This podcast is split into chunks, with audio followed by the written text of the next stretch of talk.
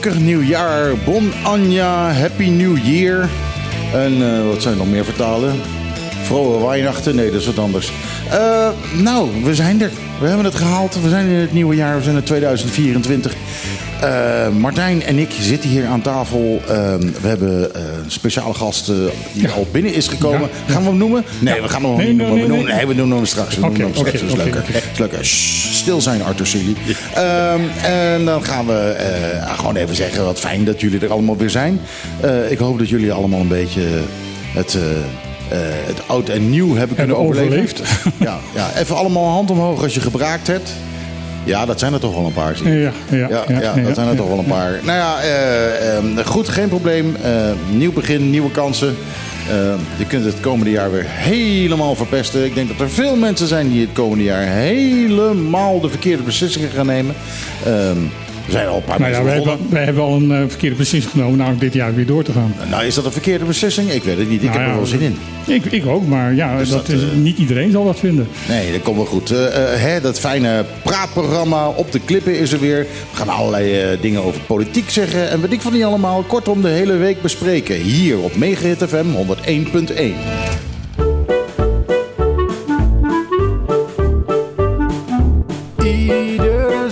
zaterdag tussen 12 en 2. Live met Michiel en Martijn. Wat een feest! Dit is op de klippen. Mega 101.1.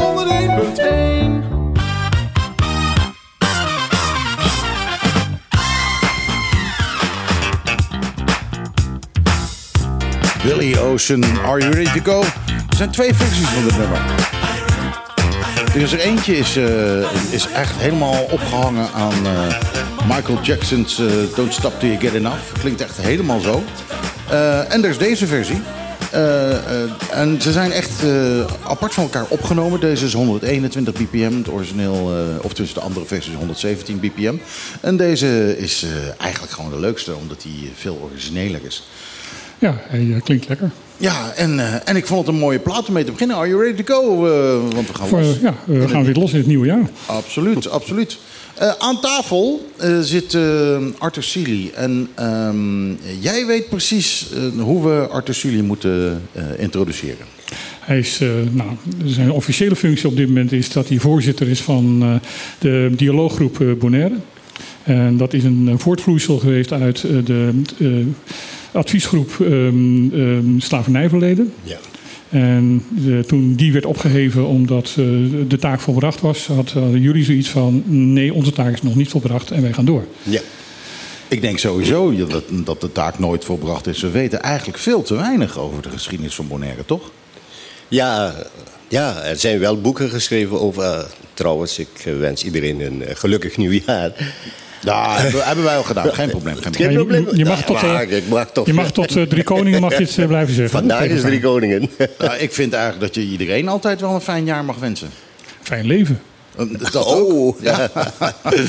nou ja, maar um, toen, toen het adviescollege op, opgegeven werd, heeft de heer Frits Goedgedrag gezegd: nee, voor die eilanden, voor die vijf eilanden, zes eilanden, zou het heel goed zijn om toch verder te gaan en ook uh, input te geven in uh, hoe verder met hele discriminatie en uh, slavernijverleden.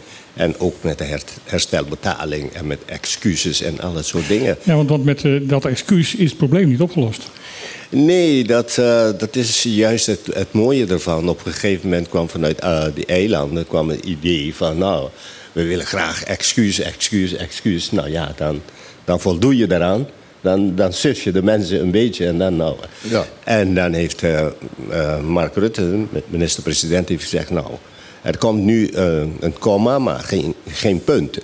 En daarover gaat de hele discussie van wat moet na, na de komma komen. Ja, inderdaad. Maar, maar, ja, kijk, je bent er met een, met een sorry ben je er eigenlijk nog niet natuurlijk. Het is het begin.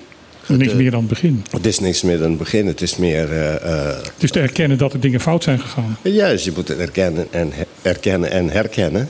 En op een gegeven moment moet je verder gaan. En, uh, maar wat, uh, wat Michiel net vroeg: van hoe zit het met de geschiedenis van al die eilanden? Nou, het probleem is dat er geen onderzoek wordt gedaan naar de hele geschiedenis. En ik ben bang dat er te veel nadruk gelegd wordt op, alleen op een stukje van de geschiedenis van die eilanden, namelijk het slavernij. Ja.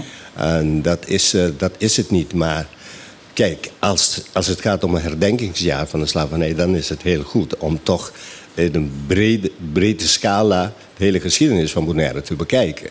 En over punten zoals herstelbetaling, eh, dat krijg je de raarste ideeën daarover van hoeveel krijgt elke inwoner van elk eiland, hoeveel gaat dat kosten. Ik bedoel, Ja, dat, eh, en moet je iedereen hebben, want er zijn natuurlijk ook Juist. inwoners die later zijn naar het eiland zijn gekomen. eh, eh, van het buitenland, weet ik veel. Het zal even lekker wezen dat ik als toch ja, geboren Hollander met Indonesische roots.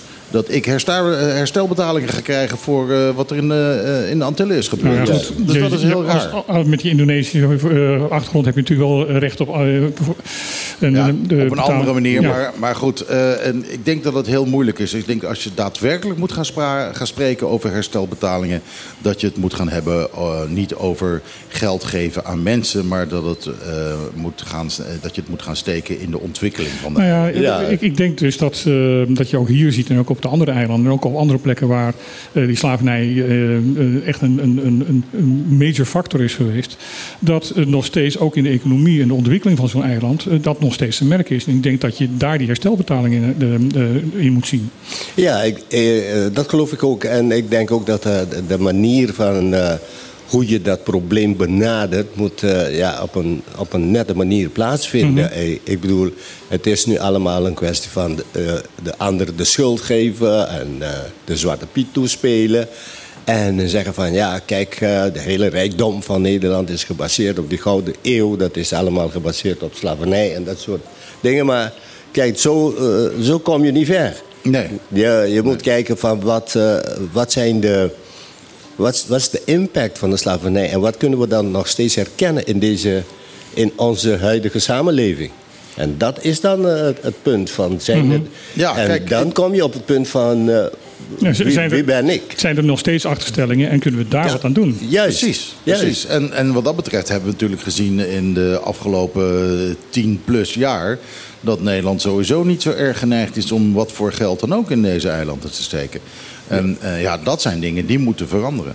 Ja, dat, eh, maar het, eh, het eerste wat er moet gebeuren is dat wij zelf gaan nadenken van waar zit het probleem? Is het een algemeen geldend probleem of is het een persoonlijk probleem?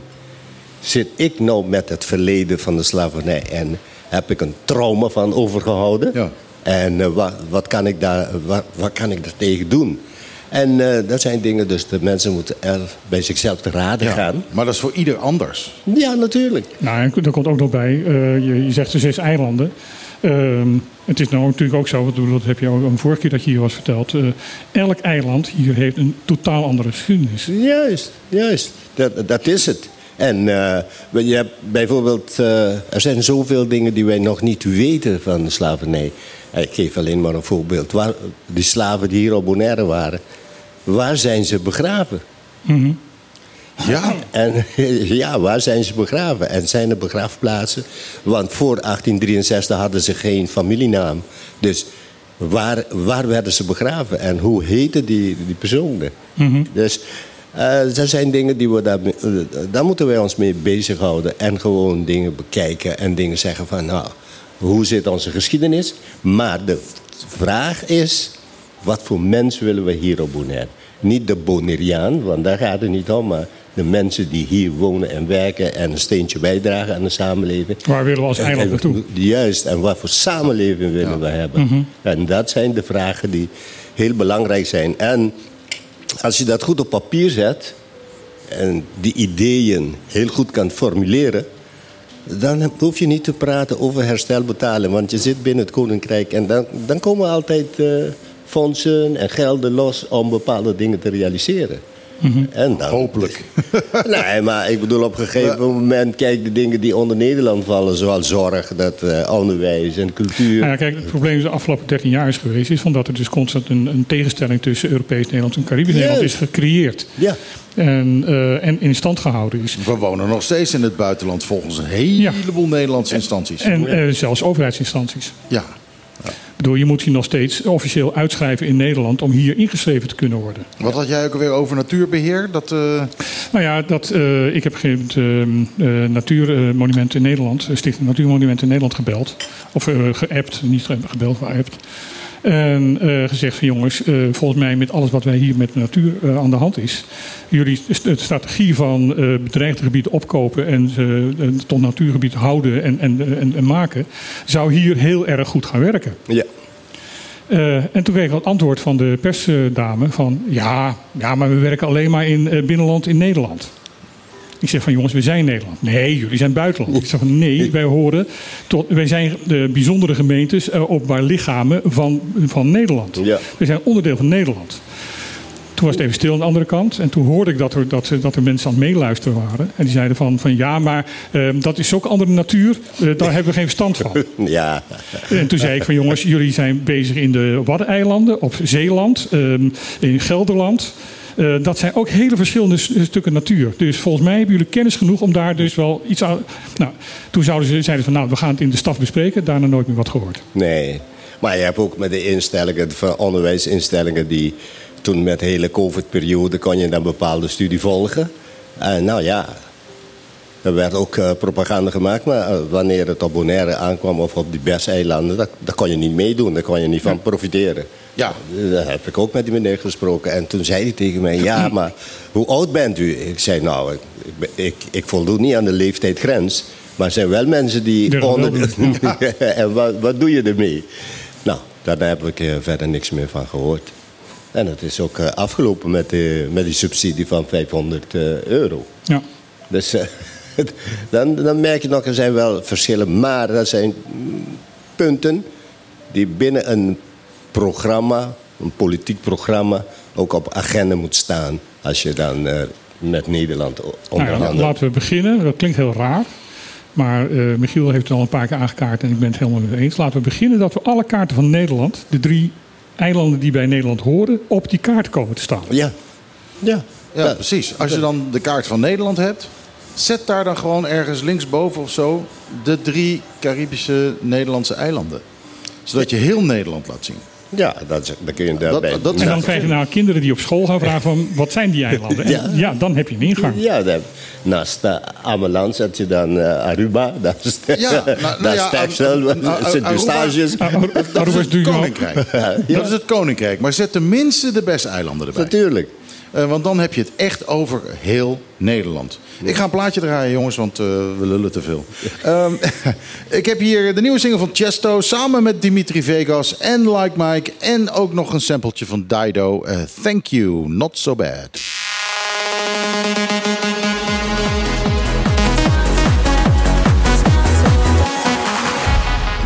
Zo, die hebben we gehad. Eh, Mag ik dit eh, grijze hakballenbied noemen? het is heel erg natuurlijk dit. Eh, maar ja, ik heb mezelf helemaal voorgenomen om alle platen die de Nederlandse top 40 binnenkomen eh, te draaien in dit programma. En we hebben, deze is vorige week de Nederlandse top 40 binnengekomen. En ja, toen, eh, toen hebben we alleen echt, onze eh, eigen spullen gedraaid. Ik vind het echt erg voor, woorden. Dit. Het is, eh, het is verschrikkelijk. En het is ook verschrikkelijk dat je daar dan eh, eh, met eh, drie man aan moet werken. Want dit heb je natuurlijk in een middagje gemaakt. Het is, eh, Dan moet je echt eh, heel rustig aan doen. ja, ja, Als je dat in één middagje gaat doen. Volgens mij ben je een uurtje klaar. ja, maar, maar goed. eh, Het is ook volgens mij compleet hergebruik van andere, andere deuntjes. Nou ja, het is, het is één deuntje, het is één liedje. eh, Thank You van Dido. Eh, en daar hebben ze blijkbaar de a cappella versie van te pakken gehad. En die hebben ze erin gegooid.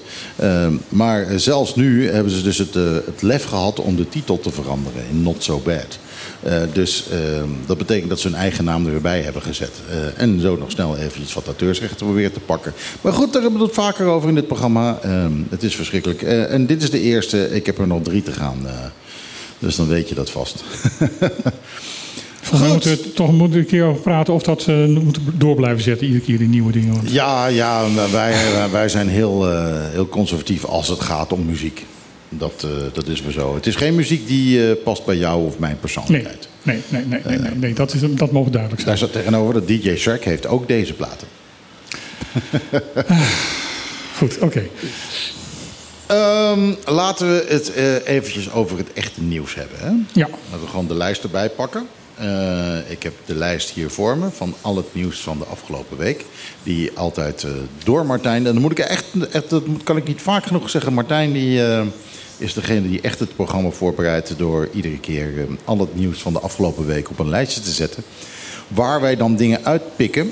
Eh, actueel is één oud en nieuw, hebben we al gehad. Hè? We hebben iedereen Ja. gelukkig Ja. nieuwjaar gewenst, Ja. eh, dus eh, dat is mooi. Het is rustig verlopen, weinig ongelukken, weinig relletjes en dat soort zaken. Dat zo zeggen, ja. Dus, En, dus dus het is hier rustiger verlopen dan in Nederland. Ik had het idee dat die superharde klappers minder waren dit jaar. Nou, ze waren er wel. Maar Wat mij opviel was van dat ik eh, tenminste in mijn buurt voor 12 uur het eigenlijk redelijk rustig was.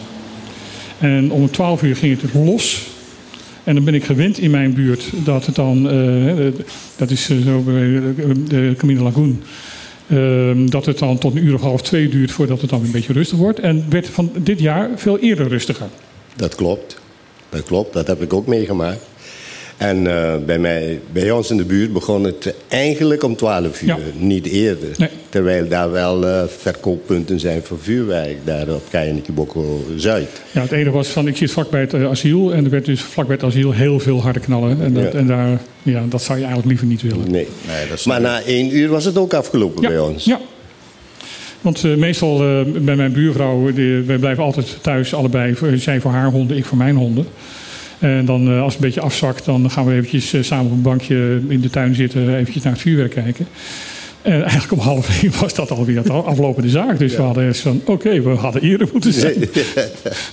Ja, maar het is eh, rustig verlopen en Ja. dat is wel heel goed. Ik had het idee dat de, dat de klappen dus wat minder hard zijn. Maar het zou ook kunnen betekenen dat ik langzaam maar zeker wat dover word.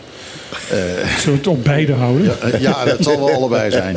Eh, puntje 2, en dit is natuurlijk. eh, Ja. Hier kunnen we even over praten, jongens. De rechter heeft Clark Abraham veroordeeld voor wanprestatie. Martijn, kun je daar een beetje over uitweiden? Nou ja, dit is voor die ene persoon die onder een steen heeft gelegen en het niet niet mee heeft, mee heeft gekregen, denk ik.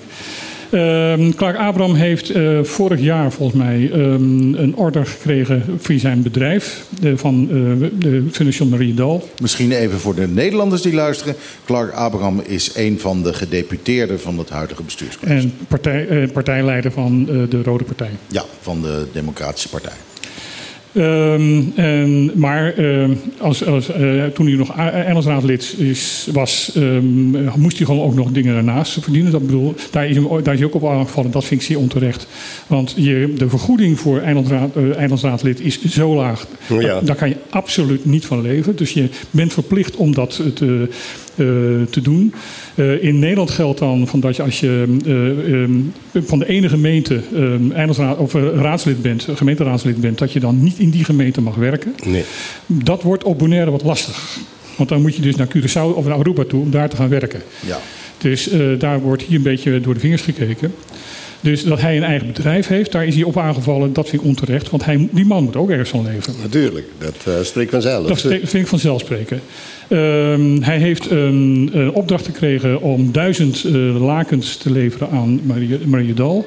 En na, eh, zeg, na horen zeggen, wat ook uit het vonnis eh, gebleken is, heeft hij daar maar 80 van geleverd. Terwijl hij wel voor het volle aantal eh, is eh, vooruitbetaald. Klopt. Ehm, ehm, ik haal dit uit het vonnis. Dus ik bedoel, dat, eh, dat is wat, wat, er in, in het, eh, wat ik in het papier heb gelezen en ook bij andere zaken heb gelezen. Dus als daar een onnauwkeurigheid in zit, dan excuus daarvoor. Eh, de- het verhaal zoals ik het nu begrepen heb, is dat ehm ehm, Maria heeft gezegd van... ehm, we willen de restant van het geld terug, wat natuurlijk begrijpelijk is. En dat Clark Abraham daar eigenlijk niet op nauwelijks op gereageerd heeft. Er wel over gepraat heeft, maar eh, dat geld terug heeft gegeven. Toen schijnt er zelfs ook nog met de, een deurwaarde geprobeerd is om het geld terug te krijgen. Dat lukte ook niet. En toen bleef er volgens Mariedal maar één eh, keus over. En dat was naar de recht gegaan en de civiele procedure. En de rechter heeft ze daarin gelijk gekregen, gegeven. En ehm, inclusief de proceskosten zal, en de wettelijke rente die er ook nog over betaald moet worden... eh, zal ehm Clark Abraham dus nu ruim 19.000 dollar aan het eh, ziekenhuis moeten terugbetalen. Klopt. Dat is een beetje het verhaal. Ja. Ja, wat vinden wij hiervan? Ja, dat is wel een, een hei- heikelijk probleem. Nou ja, kijk, dat er dingen fout gaan met je bedrijf. Ik heb zelf een bedrijf gehad. Ik heb zelf een civiele procedure aan mijn broek gehad. Eh, daar ben ik ook voor veroordeeld. Ehm, tenminste, eh, het bedrijf is daarvoor veroordeeld eh, om te betalen. Daarna is het bedrijf failliet gegaan omdat we het niet konden betalen. Ehm, dat kan gebeuren. Laten we eventjes heel duidelijk zeggen, dat kan gebeuren. Het is geen schande. Het is geen schande, het is, eh, het, het is, het is gebeurd. En het is ook, ehm, eh, laten we ook heel duidelijk zijn, het is geen strafrechtelijk Nee. proces geweest. Het is een civiels proces geweest. Nee. Eh, daar moeten we echt heel duidelijk onderscheid in maken. En niet dingen erger maken en anders maken dan, dan ze zijn. Dat klopt. Ja, maar dat soort dingen dat is inherent aan het zaken doen. Ja. En in het economisch proces. Iedere ondernemer loopt het risico, Risico. Een, een foute beslissing te nemen en daarmee de mis in te gaan en dat hij daar een groot bedrag voor moet gaan betalen. Dat, dat loopt, ieder ondernemer loopt dat risico. Dat. Maar, Maar eh, het feit dat, eh, wat, waar, waar je wel je wenkbrauw over kan optrekken, is van dat hij eh, dit probleem natuurlijk heel makkelijk had kunnen oplossen door dat geld terug te betalen. En het voor mij redelijk onbegrijpelijk is dat hij dat niet heeft gedaan. Eh, ook dat is een zakelijke beslissing die aan hem is niet aan mij. Maar dat ik niet begrijp van dat hij eh, het risico heeft genomen om eh, enorme imagoverlies te, te, leiden in dat opzicht. Want hij is een publiek figuur. Dat klopt. En wat ik begrepen heb van zijn verklaring. Dat hij zei van nou, hij heeft van alles geprobeerd om tot een schikking te komen met, met Maria Daal. Want op een gegeven moment was er vertraging in het leveren van, van die lakens. En ze hebben van alles geprobeerd om te zeggen, geef me nou tijd. Hij heeft, hij heeft ook uitstel gekregen. En op een gegeven moment eh, zei, volgens zijn zeggen, eh, dat Maria Daal zei: nee, we kunnen niet tot een schikking komen. Ik ga naar de rechter. En daar ga ik een eh, uitspraak uitlokken. Wat heel goed recht is trouwens. Ja, natuurlijk. En Clark heeft ook gezegd, of de gedeputeerde Abraham heeft ook gezegd van nou ja, ik respecteer de vonnis, dus ik ga voldoen aan eh, wat in het vonnis staat. Dus Ja. hij, hij gaat het betalen. Dat is, eh, zegt hij. Dus eh, er is iets fouts gegaan tussen die twee partijen. Ja, En dat eh, is jammer. dat, is heel duidelijk. Ja. Maar ik, ik bedoel, eh, er zijn bepaalde dingen waarvan ik zeg van... eh, eh, moest het zo lang duren om te leveren? Waren dat speciale lakens? Eh moesten ze aan bepaalde voorwaarden eh, vol- voldoen? En waar komen ze vandaan? Is het eh, met vervoer iets fouts gegaan? Kon Maria Daal niet wachten? Was het urgent? En dat soort dingen, die komen niet meer naar voren. Ja, en waar, bedoel, eh, er zijn drie rechtszittingen geweest. Ja. En daar is op één gekomen. En die heeft gezegd jongens, ik heb meer tijd nodig. Toen heeft hij uitstel gekregen. Zeker.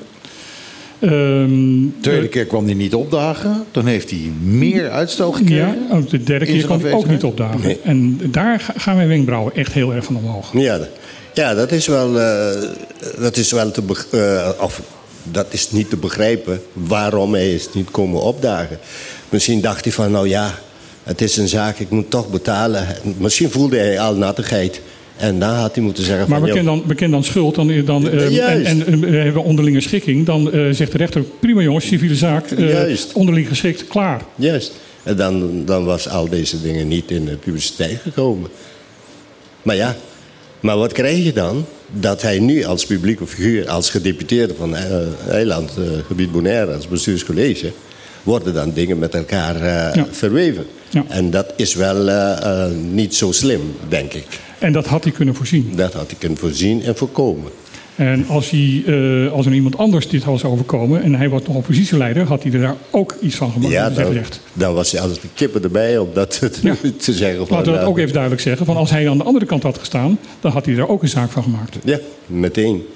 Zo kennen we hem. Ja, En, eh, ja, maar dat is ook zijn goed recht. En nu moet hij, eh, nou, dan moet hij door de zand kruipen. En dan moet de eilands, eh, of het, eh, eh, eilandsraad... die moet dan zeggen van... nou, kijk, wat gaan we met deze zaak doen? En ten eerste de partijraad van de Rode Partij. de partijraad van de Rode Partij moet nog vertrouwen. eh, eh, Ik bedoel, hij heeft imagoverlies geleden. Juist. Eh, bedoel, eh, eh, dus hij is, is, is ook nog wet, of ge- gedeputeerde van Economische Zaken, als ik het goed begrepen heb. Ehm, ja, dan dit soort zakelijke dingen. eh, ja, dan kan je wel zeggen het is privé en, en, en politiek, dat werk en, en privé is van elkaar gescheiden. Ehm, maar dat wordt heel erg lastig te, te scheiden. Ja, dat wordt heel lastig. Dan moet je met goede argumenten naar voren komen. Het heeft namelijk met betrouwbaarheid te maken. Ja. En, en da- dan dan tellen alle mogelijke formele regels tellen dan niet. meer. Nee, nee, dat heeft te maken met integriteit. Of hij integer is, Mhm. of hij intrigend, of hij is. Of dat hij dan eh, met smoesje van de af te komen. Of is hij nou een integer persoon, eerlijk. Dat hij voor de, eh, ja, duidelijk zegt voor van... Ik heb het fout gedaan, ik had het anders moeten doen. En een beetje zeggen van nou, dat zal mij nooit meer overkomen. En iets vertellen over zijn bedrijf. Want hij had ook gezegd van zijn bedrijf is in, in, in oprichting. En dan is hij niet verplicht om in te schrijven bij de Kamer van Koophandel. Daar heeft hij gelijk in. En Ja. heeft gi- gisteren tijdens de persconferentie heeft hij ook gezegd Juist. van... eh, het, eh, ik ben niet ingeschreven nog bij de Kamer van Koophandel. Dus in dit geval ben ik hoofdelijk Dat is aansprakelijk. correct. En dat klopt. Daar, daar heeft hij gelijk in. Nee, dat, dat is dan, eh, zijn eerlijkheid komt dan Ja. naar, voren. Ja. En dat is wel een punt wat wij eh, toch... eh, Maar als politicus is hij nu aangeschoten wild. Ja, natuurlijk. Natuurlijk. Als politicus worden allerlei dingen erbij gehaald van, nou ja, hoe kunnen we hem nou verder de put induwen? Mhm. En dat is wel, eh, ja, dat is een politiek spelletje. En misschien hoort dat zo, ik weet het niet. Nee, maar, eh, hij, hij had dat kunnen weten, want hij, loopt al jaren mee met dat spelletje. Juist, en hij heeft ook meegedaan aan dat soort Ja. spelletje. Dus eh, eigenlijk had hij dat moeten weten. En nu komt erop neer dat de partijraad iets moet doen. En dat hij zelf boet- boetekleed moet aan- aantrekken. En dat de eilandsraad ook met iets moet komen. Vooral po- oppositie. Wat, als jij in de posi- oppositie zou zitten, wat zou jij doen? Ik zou meteen met een motie komen. Motie van wantrouwen. Misschien met wantrouwen of weet ik het allemaal. Of met iets komen. Mhm. Maar echt om te zeggen van dit kan niet. Een motie van afkeuring. Of, of, Ja, dat is iets minder zwaar dan Ja, maar je moet iets doen. Ja. En dat is wel heel belangrijk eh, binnen, binnen politiek gebeuren. En eh, ja, voor, voor een eiland en voor zijn imago is het ook heel belangrijk dat hij dat, eh. Dat, hij dat recht kunt zetten. Is het terecht dat, ik bedoel, hij heeft een tijdje geleden Hennis en Tielman heel hard, hard aangepakt in de, in de, in de Eilandsraad. Want eh, de, die, eh, ja, daar, was ook een probleem mee. Ehm, is dat, zijn die twee zaken met elkaar te vergelijken? Nee, ik denk het niet. Ik denk niet dat, eh, eh, dat die twee met elkaar te vergelijken zijn. Eh Tielman heeft iets gedaan in zijn hoedanigheid als gedeputeerde. En hij moest zich verantwoorden bij, eh, in, in een eilandsraad. En hij heeft gewoon staan liegen. En dat is een leugen. En dat is, Hij eh, zei, hij zei dat het bedrijf van zijn vrouw vergunningen had en dat bleek niet zo te Dat zijn. bleek niet zo te zijn. En zei toen in de Eilandsraad van, eh, controleer maar. eh, ik weet zeker dat het in orde was. En Ja. bleek het niet in orde te zijn. Nou heb ik het vermoeden dat hij eh, het gewoon, ja, liegen. Ik denk dat hij het gewoon niet wist. Ik denk dat hij gewoon Dan had hij moeten zeggen van... aangenomen heeft dat zijn vrouw eh, al Ja. die, die, die vergunningen had. Ik denk dat er een paar hele heftige gesprekken eh, in huizen Tielman zijn geweest. Ja. Dat vermoed ik wel. Ja, ik denk dat er wel eh, wat... eh, Wat van het meubilair heen en weer heeft gevlogen. Dat ja, Ja, maar, eh, maar ik vond het heel vreemd dat hij dan zo eh, zelfverzekerd zeg, een gezag hebben. eh, Doe maar een onderzoek. Alsof hij heel eh, zeker was van zijn zaak. En dat vond ik wel een beetje, hey, een beetje arrogant kwam het over. Van, Ja. nou, doe maar, mij, kun je niks, mij kan niks gebeuren. En uiteindelijk bleek dat hij keihard had, had staan liegen. En dat is dus heel anders dan, dan, Dan- dan van Abraham. dan Abraham. Want Abraham heeft dit, eh, is- eh, het akkefietje met Abraham is een zakelijke conflict. Wat volledig buiten de politiek staat. Ja. En hij heeft in de eilandsraad daar nooit over gelogen. Nee, nee. En eh, dat is voor die, voor die tijd, voordat hij ge- eh, gedeputeerd is geworden. Dus maar dat dat- kan nog komen, hè? Dat hij gaat nog alsnog hij kan alsnog nog gaan liegen. Dat is, eh, Ja, ja. Ja, die ruimte moeten we hem geven. die kans moeten we geven. Ja, we moeten uitkijken dat we niet eh, met een oogklep eh, gaan kijken naar eh, wat hij allemaal zegt. Maar ja, hij moet nu wel met de billen bloot nu. En dit had hij allemaal kunnen voorkomen. Dat had hij kunnen voorkomen. En dat is voor mij het meest onbegrijpelijke. Ja. Maar uit- uiteindelijk moeten we toch verder met gedeputeerden. Want ik- ik had gelezen dat dit geen consequentie heeft voor zijn eh, Nee, politiek heeft dit geen consequentie. Maar eh, Het is volgens de, de, de juridische regels, de, volgens de wettelijke regels, heeft dit geen consequenties. Het is zelfs zo dat eh, in Nederland, we bedoel, hebben daar wat dat betreft dezelfde, de, de regels die we hier hebben voor het eilandsraad, hebben, zijn in feite bijna één op één met, eh, met eh, de, de regels van de, in, in politiek in Nederland. Eh, van Rij, de staatssecretaris voor eh, Justitie, God beter het, eh, is dus veroordeeld wegens corruptie. ja. En heeft zelfs ehm, ehm, eh, korte tijd eh, gezeten daarvoor. En kan ondanks dat alsnog dus wel eh, staatssecretaris worden. Ja. Omdat hij zijn straf heeft uitgezeten. Eh, ja, onder andere. Dus dan kun je dat, ja, Ja. Dan kun je dat zeggen. Maar dus, dit, eh, je kan dit soort misstappen dus maken. En, eh, en dit is, en laten we ook nog even heel duidelijk nadrukkelijk nog een keer zeggen: dit is een civiele zaak. Dit is geen strafrechtelijke zaak. En dat Dat is klopt. echt een enorm verschil.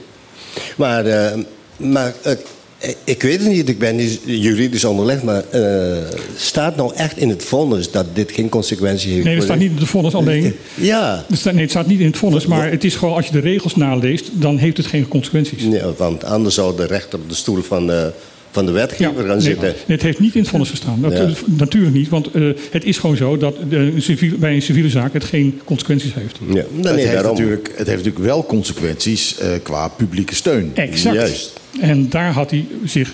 En, en ehm, eh, jij zegt, eh, Arthur, net van, van dat jij eh, de houding van Tiel nog wat eh, arrogant vindt. En men, ik heb al van diverse mensen gehoord dat zij de houding van niet reageren, niet eh, tot een overeenkomst komen, niet op de, de zitting komen, dat dat ook erg arrogant overkomt. Ja, dat, dat komt ook arrogant over. Maar hij kan daar een verklaring voor geven. En dan moeten we kijken of dat wel klopt. Als je zegt van, nou ja, ik wist van tevoren dat ik fout zat en eh, we konden niet tot een schikking komen, dan heeft het geen zin om nog een keer op, eh, op zo'n zitting te verschijnen. Dan had hij moeten zeggen van, eh, ik, ik, hij- ik, ik beken schuld en, Juist. en ik ga betalen. Ja, op dan, dat moment. dan had er geen extra zit- zitting nodig geweest. Juist, juist. En dan, misschien was hij heel beter vanaf gekomen. Ja. Ik denk dat we deze zaak wel genoeg hebben besproken nu. Ik denk het ook. en eh, het is bij mij voornamelijk verbazing. Ja, ja. Ja, voor mij ook. Dus eh, eh, wij zitten met onze oren te klapperen. Nou ja, hij zal binnenkort wel een keer eh, in dit programma weer zijn. En Mijn wenkbrauwen gaan richting mijn haargrens en die gaat steeds verder weg. Dus dat is echt. Ik ga een plaatje draaien. Ehm, een andere plaat van vorige week die eh, in de top 40 is binnengekomen is Teddy Swims. En het nummer heet The Door. En ik hoop dat we niet eh, Clark Abraham hiermee ook The Door hebben gewezen.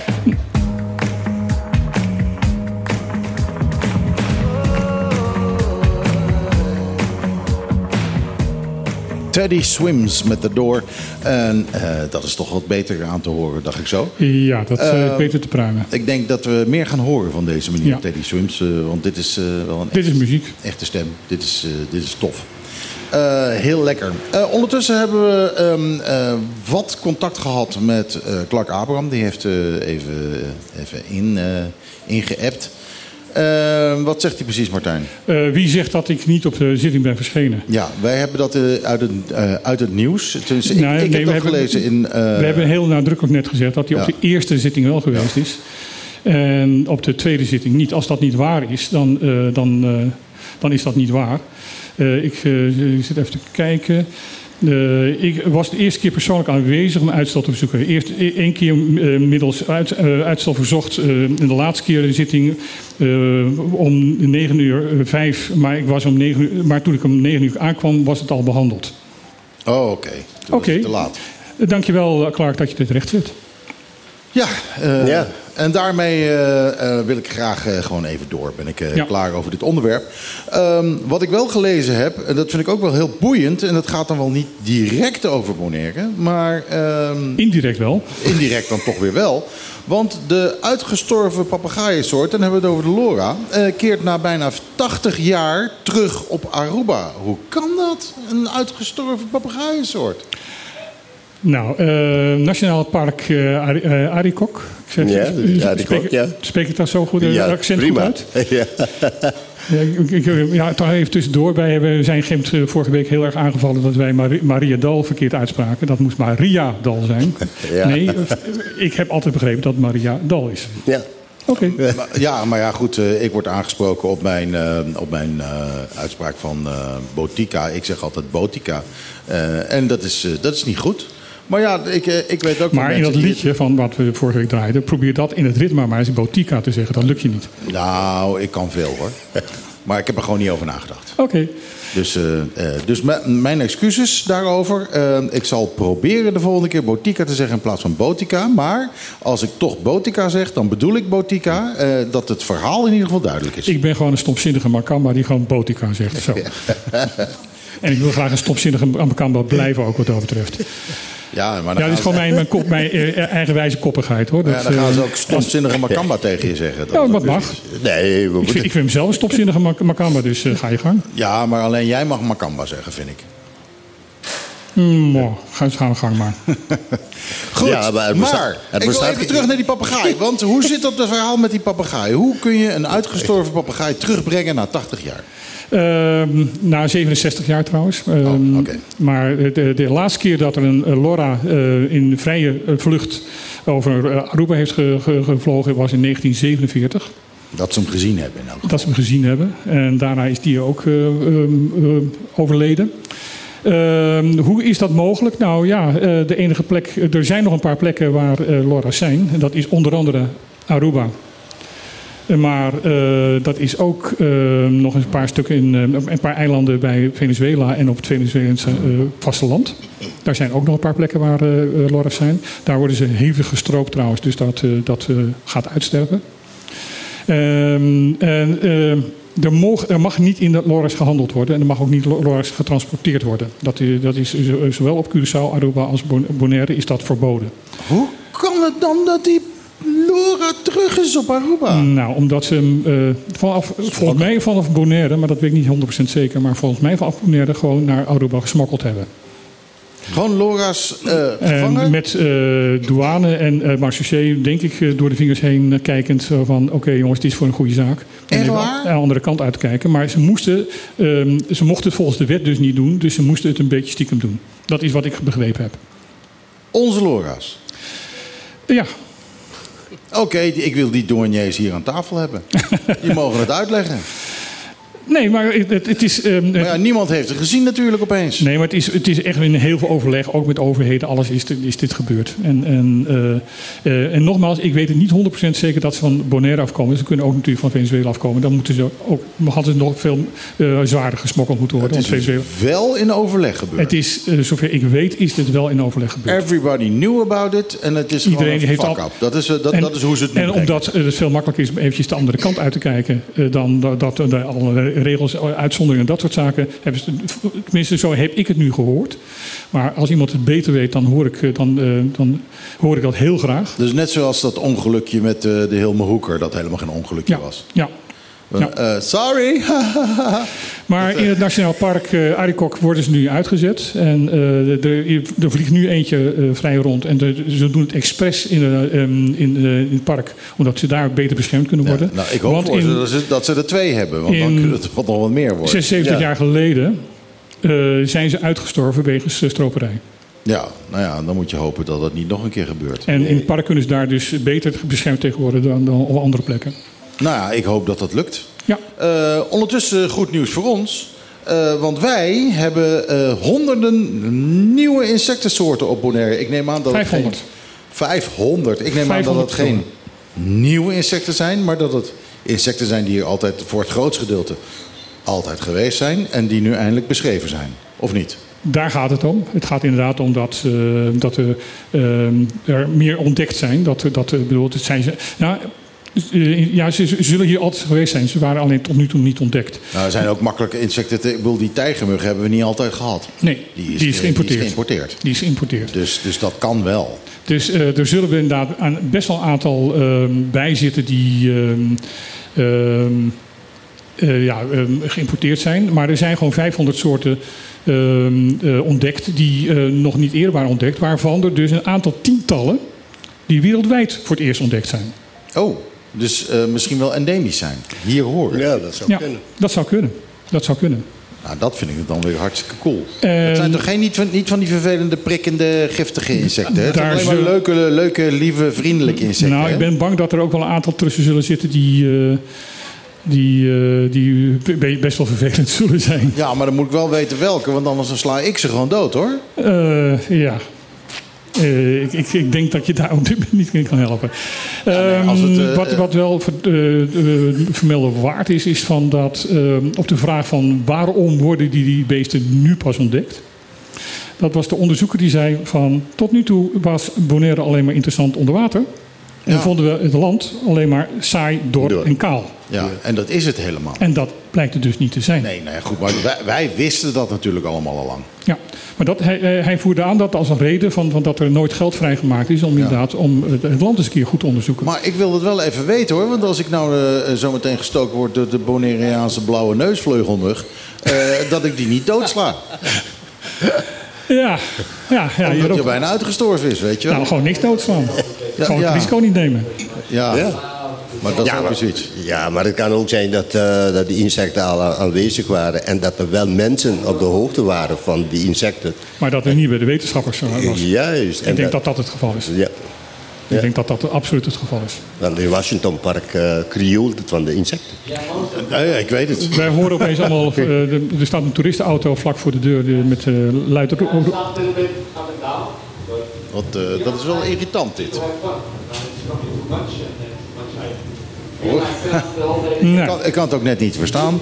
Eh, ga ik even een muziekje draaien dan maar. Ja. En dan, eh, eh, dan, dan doen we dat maar even. Eh, het, eh, het kan niet anders.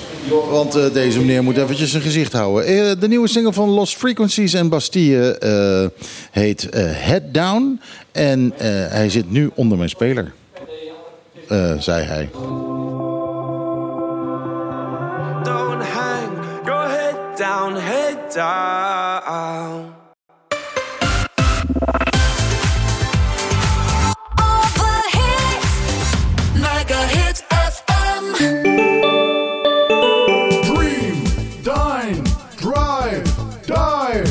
Bonaire, een klein intiem resort met een no-nonsense vibe op loopafstand van Centrum Kralendijk aan de Kaya Dialma 11.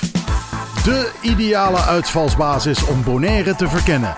Kijk voor meer info op de socials of op thehutbonaire.com.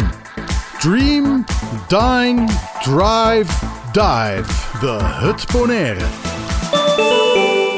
Debatteren, dat is het met elkaar oneens zijn. Staan voor je mening. Maar respect hebben voor elkaar en samen zoeken naar de waarheid. Zaken die onverbrekelijk verbonden zijn met het fenomeen dat wij democratie noemen. Maar die democratie moet beschermd worden. Vrijheid komt niet vanzelf. Daarom is voor de Partido Democratico Bonaireano de onafhankelijkheid van de pers heel belangrijk. Zij zijn de waakhonden van de democratie en moeten in alle vrijheid hun werk kunnen doen. Keep us honest. Ook de politiek zelf heeft daar een rol in te vervullen. Daarom zet de PDB zich actief in voor de bescherming van de onafhankelijke journalistiek op Bonaire. PDB. Voor een rechtvaardig en duurzaam Bonaire. Ontdek Bonaire Automation. Al 18 jaar jouw vertrouwde lokale partner voor ICT en beveiliging. Als HP-partner hebben we de nieuwste apparatuur en alle gangbare inkt- en toner cartridges van HP op voorraad. Daarnaast zijn wij ook gespecialiseerd in geavanceerde beveiligingssystemen. Onze experts staan klaar om jou te helpen met persoonlijk advies en top-notch service. Je vindt ons aan het begin van de Kaya Nikiboko Zuid. Kies voor Bonaire Automation, jouw sleutel tot betrouwbare technologie.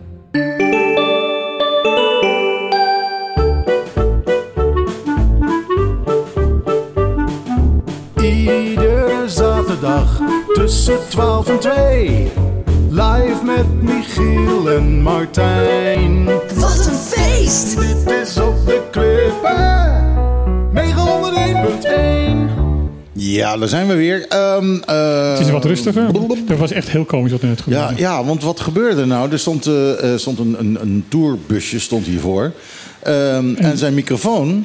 Zij, eh, de, de tour operator die eh, gebruikte een draadloos microfoon. Ja, eh, met, een, met een headset. En die kwam binnen op de draadloze microfoons hier de- in de geluidsinstallatie bij Trocadero. ja, daarom stond het zo hard te blaren boven ons. Maar het zat niet in onze mix, dus als het een beetje meevalt... hadden jullie er niet zo heel veel last van.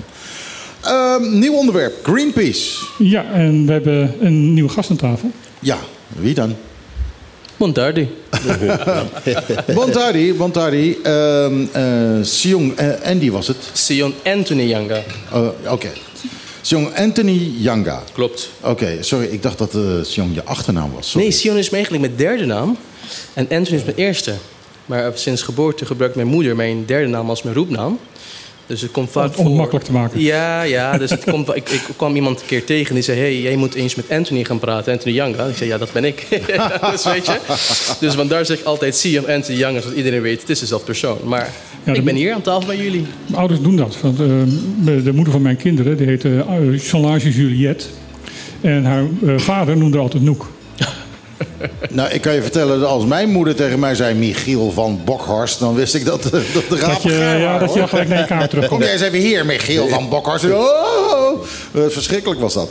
Ehm, eh, laten we eerst even beginnen met het nieuws. Greenpeace komt met een update van de klimaatzaak. Eh, Martijn, wat kun je daar eh, qua nieuws aan omschrijven? Ehm, nou, eigenlijk niet zo heel veel. Want ze, ze, konden gaan, hebben aangekondigd dat ze eh, met ja, ehm, nieuwe acties komen. En er komt een update hoe ver het staat. Maar ehm, die update hebben ze nog niet gegeven. Eh, ze hebben een sommatiebrief aan eh, premier Rutte gestuurd. Van eh, de Nederlandse regering, ga er wat aan doen om Bonaire te, te, te beschermen. Zover ik weet is daar niet echt... Ja, ze hebben een gesprek gehad met de verantwoordelijke minister en de, en staatssecretaris Van Huffelen. Van Koninkrijksrelaties. Ehm, eigenlijk is er niet zo heel erg veel bekendgemaakt wat er uit dat gesprek gekomen is. Volgens mij hebben ze ook de opdracht gekregen om daar niet te veel in de openbaarheid over te praten.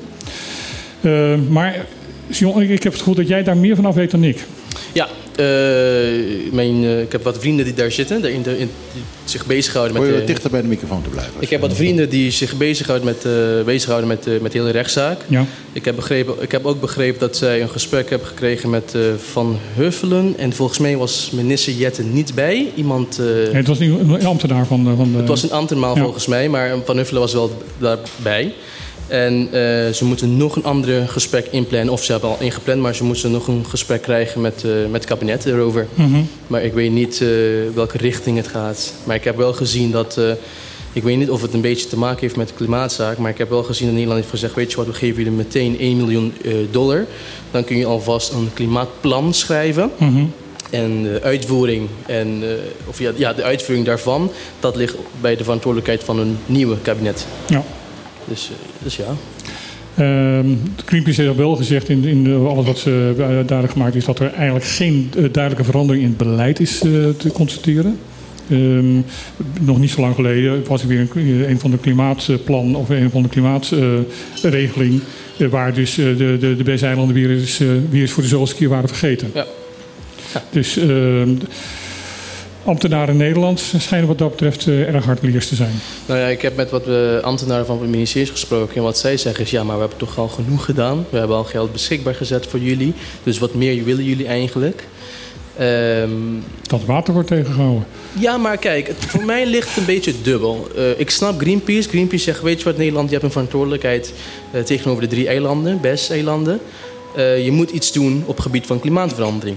Maar ruimtelijke ordening valt onder Bonaire. Welke maatregel of welke maatregeling hebben wij de afgelopen jaren genomen op het gebied van klimaat? Klimaatverandering was eigenlijk nooit een prioriteit, Nee. belangrijk Nee. voor Bonaire, totdat Greenpeace heeft gezegd, weet je wat, ik ga met een onderzoek, ik ga een onderzoek introduceren om te kijken hoe erg de situatie Ja. is op het eiland. Dus ik vind het heel raar om te zeggen, Nederland, jij hebt een verantwoordelijkheid, doe iets en dan blijven we stil tegenover de Bonaireaanse overheid. Want ruimtelijke ordening valt onder ons. Wij, wij kunnen zelf onze ruimte inrichten. En daaronder valt watermanagement, wat, we al jaren, wat al jaren een probleem is op het eiland. Dus welke initiatieven hebben wij ook initiatieven genomen in de laatste jaar, ja of nee? Wat hebben wij gedaan? Want ik zeg altijd, kijk, als je met een plan komt en zegt, weet je wat Nederland, dit is wat we willen doen op het gebied van watermanagement en op het gebied van adaptatie bijvoorbeeld. Het kost 2 miljoen, ik dien het in. Als Nederland zegt, weet je wat, nee, dit wil ik helemaal niet, dan snap ik wel dat je gaat zeggen, oké, dan ga je naar rechtszaak. Maar dat, plan is nooit ingediend. Ik heb nooit een plan gezien vanuit de kant van Bonaire. Nee, dat klopt. Dat, ik, ik ook niet. Dus ik vind het een beetje raar. Want ze zeggen, ja, weet je wat, we gaan morgen manifesteren om een duidelijk signaal te geven aan Nederland. Ja, maar ga je ook een duidelijk signaal geven aan de Bonaireaanse overheid? Nou, wat mijn kritiek is op de. eh, Aansluitend op wat jij nu zegt. eh, wat mijn kritiek op het hele plan van, van en de hele actie van Greenpeace is. Is dat zij Bonaire eh, als een soort pilot gebruiken. Ja. Ehm, eh, kijken hoe ver ze Nederland kunnen krijgen met Bonaire als voorbeeld. om gewoon het hele beleid om te gooien.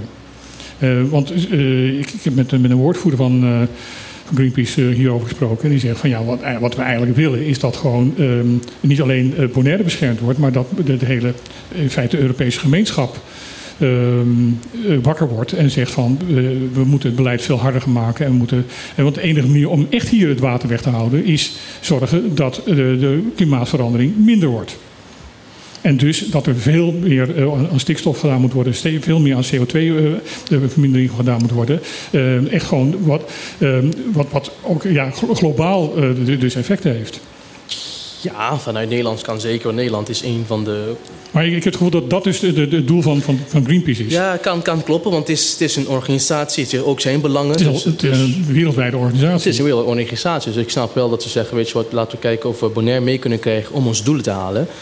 Ehm, en ook wat ze willen bereiken met Bonaire ben ik niet tegen. Ik zeg Mhm. ja, dat moeten wij zeker hebben. Mhm. Maar de manier waarop het eh, wordt uitgevoerd, eh, heb ik wel wat vraagteken bij. Want kijk, wij stoten niks uit. Nederland stoot uit. Mhm. Dus pak die aan. Eh, wij moeten adapteren. Wij moeten onze infrastructuur Ja. aan de eh veranderende klimaat adapteren. Maar daarin hebben wij een verantwoordelijkheid, want infrastructuur valt onder Bonaire. Dus als je Ja. iets wilt doen met een klimaatzaak, dan moet je dat wel eh, eh, richten op Bonaire en op, eh, op Nederland. Met andere woorden, ook de, de Bonaireaanse overheid Ja, leunt zeker. te veel naar achteren. Want die hebben zeker een verantwoordelijkheid. En Ja. dat zie je ook vaak bij alle andere grote thema's. Ook gezondheidszorg bijvoorbeeld. Zoveel klachten op het gebied van gezondheidszorg. Leuk, maar wat doet Bonaire daarover? Want de mensen hebben klachten, maar worden die klachten geregistreerd? Eh, gaat Bonaire in gesprek met de inspectie Mhm, of met mhm. de minister? Er wordt niks gedaan. Dus wij nemen eigenlijk geen initiatief hier op het eiland. Maar we willen wel zeggen, Nederland, je hebt een verantwoordelijkheid, doe iets. Ja, maar wat wil jij dan? En dat is de vraag altijd, hè? wat wil Bonaire? En dat komt, daar komt nooit een antwoord op. In Suriname heet dat la- land die regelt. Ja, eh, want wij hoeven niks te doen, dat doet het land wel. ja, dat doet Nederland. Dat is de verantwoordelijkheid van Nederland. Nederland Ja. heeft geld, Nederland heeft, eh, heeft mensen. Dus eh, dan... Sluit het Ar- Arthur ook niet een beetje aan op de discussie die we al eerder hadden? Ja, dat, ja, dat klopt. Wij moeten ook eh, dus duidelijk eh, maken wat wij willen en hoe wij, hoe wij vooruit willen gaan. Wat, wat gaan wij zelf doen? Maar ja, er, het blijft altijd een probleem van bemensing, wat zo mooi is. Maar ja, wij, wij denken dat wij alles alleen kunnen. En wanneer het gaat om mensen aan te trekken om bepaalde dingen te doen, dan geven wij nooit thuis. En dan schuiven we het probleem op iemand anders. Ik bedoel, als je 1 miljoen, 1 miljoen euro hebt gekregen om iets te doen, nou, begin, het dan ook. eh, Doe iets. Ja. Ja, dat, dat- dat is zo. Maar goed, dat, dat neemt niet weg dat ik eigenlijk wel blij ben dat wij dit pilotproject mogen zijn. Ja, ik ook. Eh, dat, is alleen maar, eh, dat is alleen maar goed voor Ik ons. denk maar dat ik ben het helemaal met je eens. Eh, er moet van ons, van ons uit natuurlijk ook wel iets, iets komen. Het mag, het mag niet zo zijn van eh, Greenpeace doet wat, dus wij kunnen achteroverleunen. Nee. Nee, maar kijk, Greenpeace eh, kwam met een briljant initiatief. Green- Greenpeace heeft gezegd, ik begin met onderzoek. Aan de hand van onderzoek hebben we allemaal gezien hoe erg die situatie is. Jong, kom alsjeblieft wat dichter bij Mijn microfoon. excuses. Als je hem kan ruiken, dan ben je dicht genoeg Oké, top. nee, maar Greenpeace kwam met een onderzoek. En uit het onderzoek hebben we allemaal gezien hoe erg die situatie is. Dat Ja. is helemaal top. Maar nu is het tijd om iets uit te voeren. Nu is Ja. het tijd om met plan te komen. Te kijken hoe wij eh Bonaire kunnen beschermen. Hoe wij, Bonaire, eh, hoe wij eh, adaptatiemaatregelen kunnen uitvoeren. Misschien wel eh, mitigatiemaatregelen. En daar is mijn probleem, want niemand doet iets. Nee, Nederland maar heeft er gezegd... is hier natuurlijk ook geen kennis. Ehm, Maar zorg dat krijgt. maar Zorg dat je kennis zorg dat krijgt. die kennis hier komt. Maar goed, zorg Nee. dat die kennis hier komt, eh, dat is dan misschien Maar we hebben, toch, vanuit Nederland we hebben ook toch kennis geïmporteerd om ons eh, bij te staan met de hele uh, Wolbes-Fienbes eh, verandering. Ja, Ik zie nou, eilands dat met allemaal ander punt, maar, adviseurs eh, en hoogleraren rondlopen. En terecht. Dus, ja, Ja. precies. Dus dat, dat, Kunnen wij, dat kunnen wij heel goed doen. Ja, dus eh, ja, er moet gewoon wat gebeuren.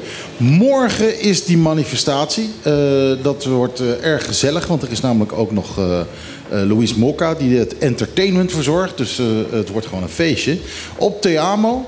Eh, moet ik, moet even kijken hoor, want eh nou ben ik eh, het plaatje kwijt wat ik had van dat gebeuren. Dat is ehm, 7 januari, dus morgen, op Teamo Beach vanaf half vier en dan tot 6 uur. ehm, eh, is een manifestation par climate justice. ehm, eh, ja, georganiseerd door Greenpeace.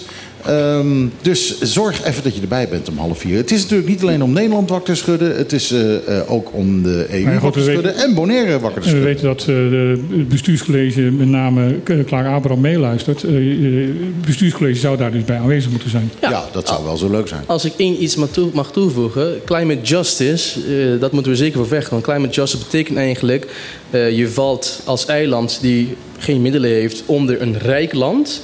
En dat rijk land heeft eigenlijk een verantwoordelijkheid tegenover dat klein eilandje. Dus dat, dat zeker, daar moeten we zeker Ja. voor vechten.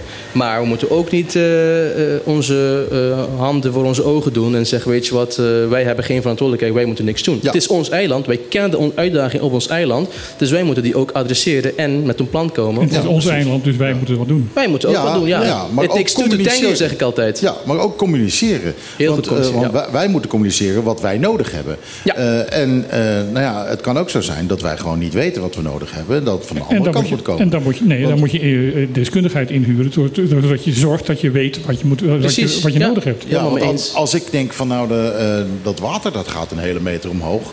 Dan eh, denk ik van wat gaan we dan doen? Gaan we, gaan we echt dijken om heel Bonaire leggen? Eh, ik zie dat eigenlijk niet zo erg eh, voor me. Maar ja, kijk, we hebben een probleem met watermanagement... waar eh, we delen allemaal vergunningen links, rechts uit. Om, ik, ik ging bij, bij LAM rondrijden. Ik zie alleen maar boutique hotels. In Antriol zie je alleen maar snackbars. Ja. Dus wat zijn we nou mee bezig? Ja. Ja. Dus het is Ja, een de- beetje dubbel, de- hè? Dingen moeten gewoon veel beter gepland worden. hier. Ja, Dat- precies. Dat, is zo. En het is inderdaad van eh, geef me geld en dan mag je doen wat je wil. Ja. En dat, dat moet gewoon ophouden. Ja, ja, dat Maar klopt. ja, alles wat je nu aan de kust bouwt, dat worden toekomstige duikobjecten. En daar komt al die eh, hotels en dure eh, huizen te staan. Ja, maar straks is, eh, straks is die, die helemaal hoeker te diep om te duiken. Wat is dat dan? ik weet nog, eh, en, en dat zie je dus gewoon. Hè? Eh, tien jaar geleden, als ik ging duiken op de Hilme Hoeker... dan zei ik, ja, maak je geen zorgen, die is precies 99 voet diep. En dan ging je eronder liggen... En dan legde je eh, je metertje eronder, je dieptemeter. En dan was hij inderdaad 99 voet diep. Nou, dat is tegenwoordig altijd 100 voet diep. Ja.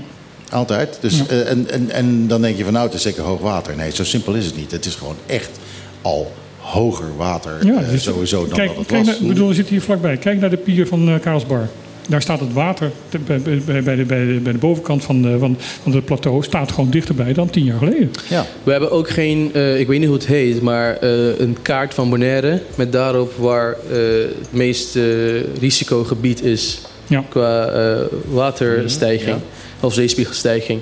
Dat heb je ook niet. Dat, dat je zo'n kaart hebt, dat je als iemand komt en zegt, weet je wat, ik wil een stuk grond om een huis te bouwen, dat je kan aantonen van, hé, hey, dit is eh, risicogebied. Daar moet je niet gaan bouwen. Daar, daar moet je niet, of ik adviseer je eigenlijk om ergens anders te gaan Ja. bouwen, want Ja. dat is een risicovol gebied. Ja, dat ter- hebben we ook niet. Al die huizen ter hoogte van Ocean Oasis, die eh, zijn het bokje na één storm. Ja. Als je, ehm, ik, ik weet niet of de mensen hier eh, Lenny hebben meegemaakt in 1999. Nou, er zit één iemand aan tafel die dat ongetwijfeld heeft meegemaakt. Ja, nou, ik was nog niet ik geboren. ik en, nou ja, gewoon Arthur en ik hebben het meegemaakt. Eh, we hebben die golven gezien. Eén zo'n storm.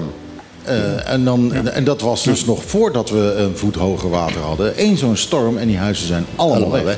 weg. Ja. Ehm, dus, dus ja, eh, we gaan het nog wel meemaken, denk ik. Met de climate change ook sowieso. De eh, hurricane belt is aan het Ja. verbreden. Ja. En ik denk dat het niet lang gaat duren voordat wij ook in de hurricane belt zijn. Maar je ziet al wel rare ontwikkelingen. Hè? Want normaal dit er eh, laatste storms die we hebben gekregen.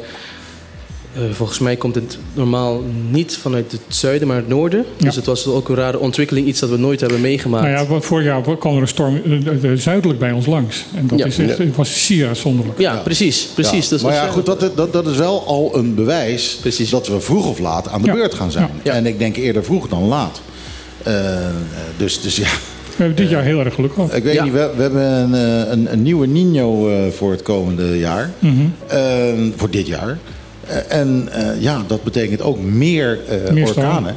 Eh, ja, het zou Water- zomaar dit jaar al raak kunnen zijn. Het water is warmer. Dat is bedoeld, dat hebben we dit- dit jaar ook heel duidelijk gemerkt. Dus dan is dat dan de, de- het warme zeewater is de motor van, van, van elke orkaan. je hoorde. Piscabon al klagen dat ze geen vissen kunnen vangen, omdat het water al een beetje is gestegen, de- de temperatuur van het water. Ja. Nou ja, en, ehm, eh, ik weet niet of jullie duiken hier zo, maar ehm, de afgelopen, afgelopen paar maanden, die hele bleaching die we gehad hebben. Is, is ongekend. Dat had ik nog nooit gezien. Ik was, ik was echt, eh, echt geschokt. De tranen stonden in mijn ogen toen ik dat opeens zag. Nou ja, goed, eh, heel, Maar- cy- heel cynisch werd er al gezegd van Bonaire is geen blue destination, maar white destination geworden. Ja. Nou, het komende jaar ver- verwachten ze dus nog een keer zo'n warme oceaan. Eh, dat betekent dat het koraal dan helemaal een tweede klap krijgt nog een keer. Dus ja, eh, ik ben... eh, ik Bovenop ik, hij. ik hou mijn hart vast hoor, Ja. voor het komende jaar. Ja. Ehm, eh, maar ja... Ik denk ook dat er, en daar heb ik al eens eh, vaker over gepraat, eh, we eens een keer echt heel serieus moeten gaan nadenken. En ook het bestuurscollege en, en, en, en de overheid heel erg moet gaan nadenken. Wat gaan wij doen na het, eh, eh, de periode van de toerisme hier? Want als inderdaad de, de, de, de duikindustrie hier weggaat, omdat er gewoon niks meer te zien is. Ik bedoel, het gaat gebeuren. nou ja, er is natuurlijk nooit niks te zien. Nee, maar goed, we zijn nu, horen nu tot, nog, tot, tot de top drie Ja. duiklocaties van de Ja. wereld. Ja. En eh, de- het is af te vragen hoe lang we dat nog zijn. Ja, ja het zal eh, eh, in de toekomst zeker eh, achteruit gaan lopen. Ja, want je hebt ook, eh, men zegt ook 1930 of 2030. Dan Ja. gaat iets gebeuren, maar dat is over zes jaar. Dat is over zes Ja, jaar. ja. Vanaf 1930 gaan we het merken. En, de- 2030. en, vijf- en in, in, in 2050, eh, twee- nee, nee, 1930, nee, eh, tw- 2030 en 2050 gaan we, gaat echt de delen onder water staan. Ja, dan, Ja. Nou, dan hebben we, je zou zeggen, we hebben tijd zat om iets aan te doen. Nee, we hebben geen tijd zat. Nee, nee, nee, ik bedoel, eh, er, er is de te lang, mentaliteit van Bonaire te lang zijn. niks gebeurd. En we hebben nu in Nederland hebben we een regering die eh, gewoon ontkent dat er een We hebben klimaatprobleem nog geen regering, hè? Nee, oké, we krijgen een regering die ontkent dat er een klimaatprobleem is. Dus eh, ja, ik denk wel dat het belangrijk is dat we ons gezicht allemaal laten zien morgen bij Theamal. Eh en gezellig wordt het ook nog eens een keer, dus dat is, eh, dat is wel de moeite waard. Heren tegenover ons, eh, jullie moeten volgens mij naar het vliegveld toe. Ja. vliegveld toe. Ja, klopt. Ja, prima. Waar gaan we heen? We gaan naar Boston. Hij gaat naar Boston. Boston. Ja, in de kou. Ja, de, Bo- de Boston Tea. Party. Ja, veel plezier met je thee inderdaad. Hartstikke bedankt dat je er was. Dank dat je het nog even Graag kunnen doen. Ehm, eh, heel erg fijn dat jullie er waren om eventjes eh, Ja. eh, wat dingen tegenaan te houden. Eh, ik hoop jullie van gauw weer aan deze tafel te zien. ehm, om eh, meer van dit soort kennis eh, de lucht in te slingeren. Ja, dat jullie er waren smaakt naar meer. Nou, Ja. ik hoop ook om heel snel een uitnodiging te krijgen weer. Dus dan zal ik zeker... Nou, wacht niet de uitnodiging af. Als je gewoon iets te vertellen hebt, eh, geef, een- seintje. En, eh, eh, zaterdag, Kijk, daar, daar staan twee microfoons. Die staan daar voor mensen die binnenkomen wandelen en die wat te vertellen hebben. Dus je bent altijd welkom. Oké, nou fijn. Fijn om te horen. Nou, bedankt mannen. Ja? Fijne Oké. zaterdag verder. veilige reis. Dan draai ik nu de, eh, de nieuwe plaat van Sera samen met You Not Us. Eh, ik moest even goed kijken wat eh You Not Us betekende, maar het is You Not Us. Sarah en You Not Us, I can't be the only one. One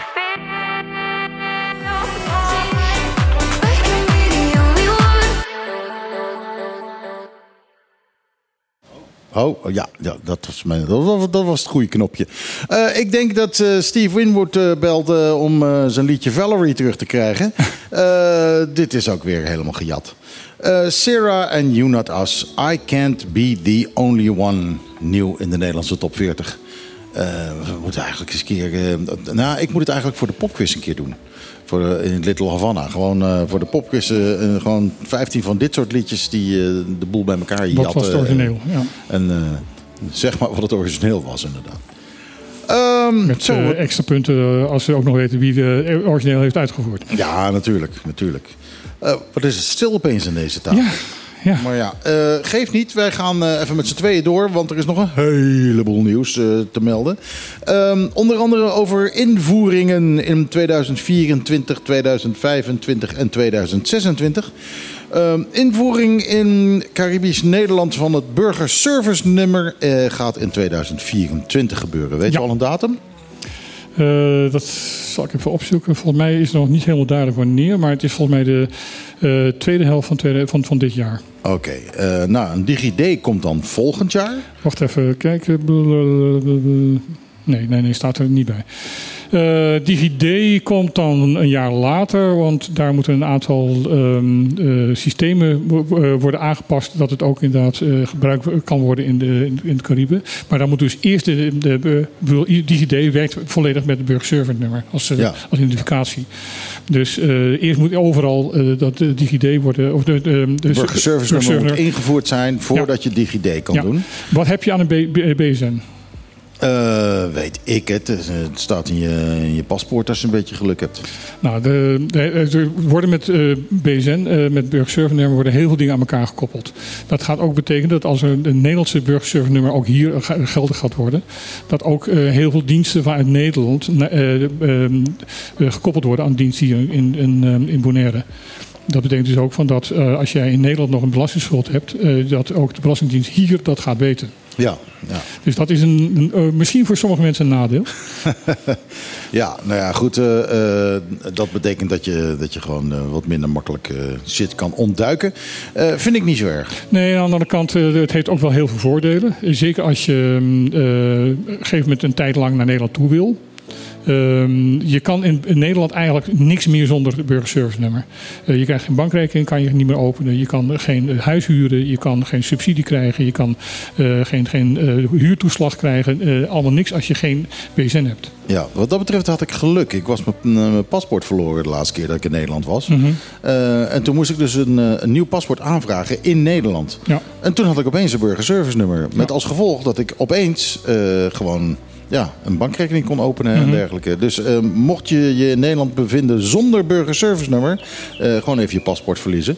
Eh, Nou ja, en- goed, als je, en als daarna je, heb je een burgerservice nummer. Jij bent waarschijnlijk hier naartoe gegaan toen het burgerservice nog- nummer nog niet eh, eh, ingevoerd was. Nou, 19 jaar geleden. Volgens mij was het er wel al. Ja. Maar want ik, ik heb gewoon een burgerservice nummer van, van eh, ja, al die jaren dat ik in Nederland gewoond heb. En die, dat, dat is gewoon gebleven. Ehm, ik kan ook gewoon nog in, in, in mijn overheid en de Belastingdienst. Want dat had ik, moest laatst doen omdat ik eh, met een erfenis zat eh, waar dan weer belasting over betaald moest worden. En dat moet vanuit Nederland dan. Ehm, eh, mijn pensioen komt vanuit Nederland. Daar heb ik ook mijn burgerservice nummer voor nodig. Want ik moet dat allemaal, eh, eh, al die officiële dingen als ziektekostenverzekering, als eh, pensioen, AOW, maar ook je privépensioen, dat gaat allemaal via DigiD tegenwoordig. Ja, dus ja, het is echt wel handig dat we dit gaan krijgen. Ja. Maar de postcode komt pas in 2026. Ja, ehm, waarom moet dat zo lang wachten? Want god, dat, wat, hoe moeilijk kan het zijn? ehm, een paar eh, nummertjes invoeren en dan heb je het. Nou, dat blijkt dan niet zo simpel te zijn. Nee, het grootste probleem was, heb ik me laten vertellen, eh, ondertussen alweer twee of drie jaar geleden, is dat niemand meer wist hoe die postcodes in de tijd gegenereerd zijn. Nou, ehm, dat is een, misschien in Nederland een probleem. Hier is het grootste probleem is dat er geen goede adressen- en gebouwenregistratie is. Ja, dat komt er dan natuurlijk weer bij. Sorry, ik Eh, moest even een slok koffie nemen. Nog even los Eh, van het feit van dat er bijvoorbeeld hier in de binnenstad een eh, heel gebied is waar eh, de, de gebouwen geen nummer hebben, geen, Ja, geen, huisnummer ja, hebben. ja. Dat moet eerst allemaal, er moet eerst meteen bepaald worden via satellietfoto's en luchtfoto's die op dit moment gemaakt worden. Ja. Dat is een van de redenen waarom die, die heel hoge eh, resolutie ehm, eh, luchtfoto's op dit moment in de, op de drie B-eilanden gemaakt worden. Is, heeft daarmee te maken. Eh, van waar staan die gebouwen nou precies? Eh, welke ruimte nemen ze in beslag? En waar zitten de erfgrenzen? Al dat soort zaken. Om te bepalen waar dus de nummers moeten komen. Ik denk dat dat ook in de komende tijd eh, bij heel veel huizen hernummering van, van huisnummers plaats zullen gaan vinden. Oh, oké. Ja, nou ja, goed. Dat is ook goed. Toen ik hier kwam wonen, was, zat ik in, een, in een huisje dat inderdaad geen straat, had, geen straat had of wat dan ook. En dat werd toen naar de wijk genoemd. Dat, dat was gewoon Playa Pabao nummer 7 waar ZN, zonder Eh, nummer. eh, nee, niet ZN. Een nummer hadden ze me wel gegeven, Hm. maar het was in Playa Pabao. En toen de tijd, toen waren we nog Nederlands Antillen. Als ik dan bezoek kreeg, moesten ze het adres opgeven waar ze zouden gaan eh, verblijven. Eh, en hadden we dus het rare geval dat er dan, ja, dan zeiden ze Playa Pabao nummer 7. Ehm, en eh, de douanier zei nee, dat is een wijk. Ik wil een straatnaam hebben. Eh, maar ja, die was er niet. Ja. Dus eh, ja, daar Ik heb we trouwens nog... een mooi voorbeeld van. Een mo- mooie anekdote van iemand die Amerika binnen wilde komen. Maar goed, dat vertel ik straks nog wel. Ehm, Wat, je moet off-air. Dat ga je zo meteen... Nee, nee, ik wil het zo zo vertellen, maar we zijn nu met een ander onderwerp Oh bezig. ja, oké. Nou ja, dat is al eh, klaar. 2026 krijgen we postcodes Ja, in de staat. maar er moeten dus inderdaad eh, eerst de, ah, de registratie moet kloppen, de adressen en de gebouwregistratie kan kloppen en dan pas kunnen die postcodes eh, gegenereerd worden.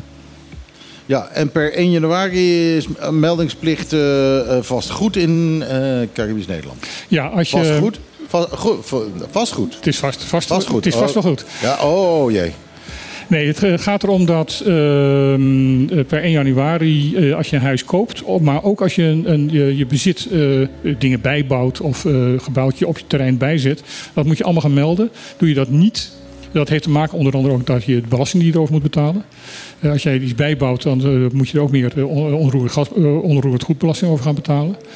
Ehm, als je dat niet doet, dan gaat het uiteindelijk boetes opleveren. Boetes en boetes kosten geld, lieve mensen. Hou daar rekening mee. Nee, even nog even de- over die, die, eh, die Europeaan die in Amerika binnen wilde komen. Eh, die eh, die kwam, kwam uit Denemarken. Die komt bij de Amerikaanse douane en die zegt van... eh, ja, ik wil een paspoort hebben van een land. Nou, zegt die man... eh, Denemarken, daar kom ik vandaan. Ja, nee, Denemarken is een, een, een, een provincie van, eh, van, van, van Zweden. Ja, nou ja, die stupiditeit die, die heb je altijd. Het is mij wel eens gevraagd: eh, is eh, Amsterdam in Holland of is Holland in Amsterdam? Ehm, en dat soort domme vragen krijg je natuurlijk overal. Maar Van Dou- Douanier, eh, tenminste van de Marchaussee, eh, bij de, de Amerikaanse grens, verwacht je toch iets meer. Ja, dat is, eh, dat is zeker zo. Eh, maar goed, dat soort vragen hoor je altijd. Is Holland in Europe? Is Europe in Holland? Eh, dat, soort, eh, dat soort dingen die heb je af en toe. Ik ga een plaatje draaien, want dat moet wel weer eens. En dan gaan we zo meteen nog wat verder nieuws bespreken. Dit is Sailor met A Glass of Champagne.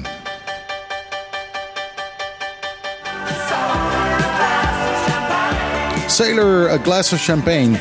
Dat was vroeger mijn eh, vaste auto nieuwsnummer. geloof het niet, maar die zanger, eh, die heet eh, Georg Kajanus, denk ik, want hij was een Noor.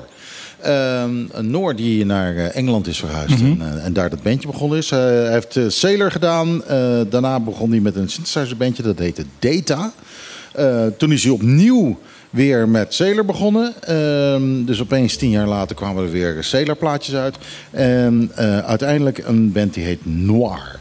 En daarnaast heeft hij eh, ja, ook allerlei solo dingetjes gedaan. Veel geproduceerd. eh, en hij is nog steeds onder ons. Dus we weten niet hoeveel er nog gaat komen. Ehm, even kijken hoor, want we hebben de lijst eh, hier voor ons. De lijst staat zoveel met, eh, vol met interessante dingen. Ja, zeker hè? Eh, het is echt, echt even schrikken. Ehm, kijk, minder belangrijk vind ik dat er drugs zijn ondergeschept op Flamingo, Flamingo Airport. Dat gebeurt natuurlijk wel vaker. Nou, de, de- Of niet? dit, waren drugs die niet van het eiland afgingen, maar dit waren drugs die op het eiland gebracht werden. Oh, En dat was het bijzondere ervan. dat is bijzonder. Der, der, der, Ja, der. Want ik eh, dacht dat het eh, meeste wat wij hebben komt natuurlijk op hele kleine bootjes uit eh, Venezuela, ja, of niet? Ja, en dit was eh, eh, iemand die het met een tu- verlicht van TUI eh, vanuit Nederland meenam. Ehm, en eh, iemand die eh, met de DVD uit Curaçao kwam. Oh, twee zelfs. Ja. Eh, en wat hadden ze bij zich? Eh, de man uit Nederland had alleen maar hasjes bij zich. Dat viel 200 gram hasjes, dus dat viel eigenlijk reuze mee. Ja, dat is, eh, dat is niet... bijna gewoon perso- voor persoonlijk gebruik. Ja, ja, inderdaad. Ehm, Dan heb je een goede vakantie. Dan heb je goede vakantie. Maar dan denk ik bij mezelf, je kan het volgens mij goedkoper die op het eiland krijgen. Dat dan denk ik ook, meenemen. Maar ja, dat Ehm, weten ze niet, hè? Dat weten ze niet. Eh, en een vrouw vanuit eh, Cura- Curaçao. En die had eh, de, hoe heet dat, mental, me- mental, nee? MDMA? Ja, ecstasy en, en mental, nou, ik ben even die naam kwijt. En een duwersbol. Dus een bol die dus in haar lichaam geduwd was. Oh, In een bepaalde opening. Ehm, vol met cocaïne. zo. Dat werd erin geduwd met cocaïne. En dan, Ja. eh, dat soort bollen zijn heel gevaarlijk. Als dat eh, scheurt, dan ben je het bokje. Dan is het afgelopen. Ehm, heftig. Maar goed, eh, zo belangrijk vind ik dat verder niet. Eh, wat ik wel erg interessant vind is dat het bestuurscollege wil nu een diepgaande analyse van de cijfers van het cruise-toerisme Bonaire. Heel belangrijk vind ik dat. Eh, en weten hoeveel mensen er komen, we- weten hoeveel geld ze uitgeven, waar ze komen, dat soort dingen. En Clark Ja. heeft natuurlijk al eerder aangegeven dat hij geïnteresseerd is in, eh, in, in, in ja, wat het ons allemaal natuurlijk oplevert. Ehm, en steeds vaker, en ook nog steeds, ik zie het op Facebook heel vaak, ehm, eh, de ergernissen over langzame eh, golfkarretjes. Maar ja, die zijn er nu eenmaal. Daar is een vergunning voor verleend, dus daar komen we niet zo makkelijk vanaf. Nee, eh, Ehm. tijdens een van de persconferenties op vrijdag. Elke vrijdag heeft eh, het bestuurscollege ehm, om twee uur is dat volgens mij. ehm, een persconferentie, eh, Bon Informa heet dat. Ja, Heel goed dat ze dat doen trouwens. Heel goed dat ze dat doen.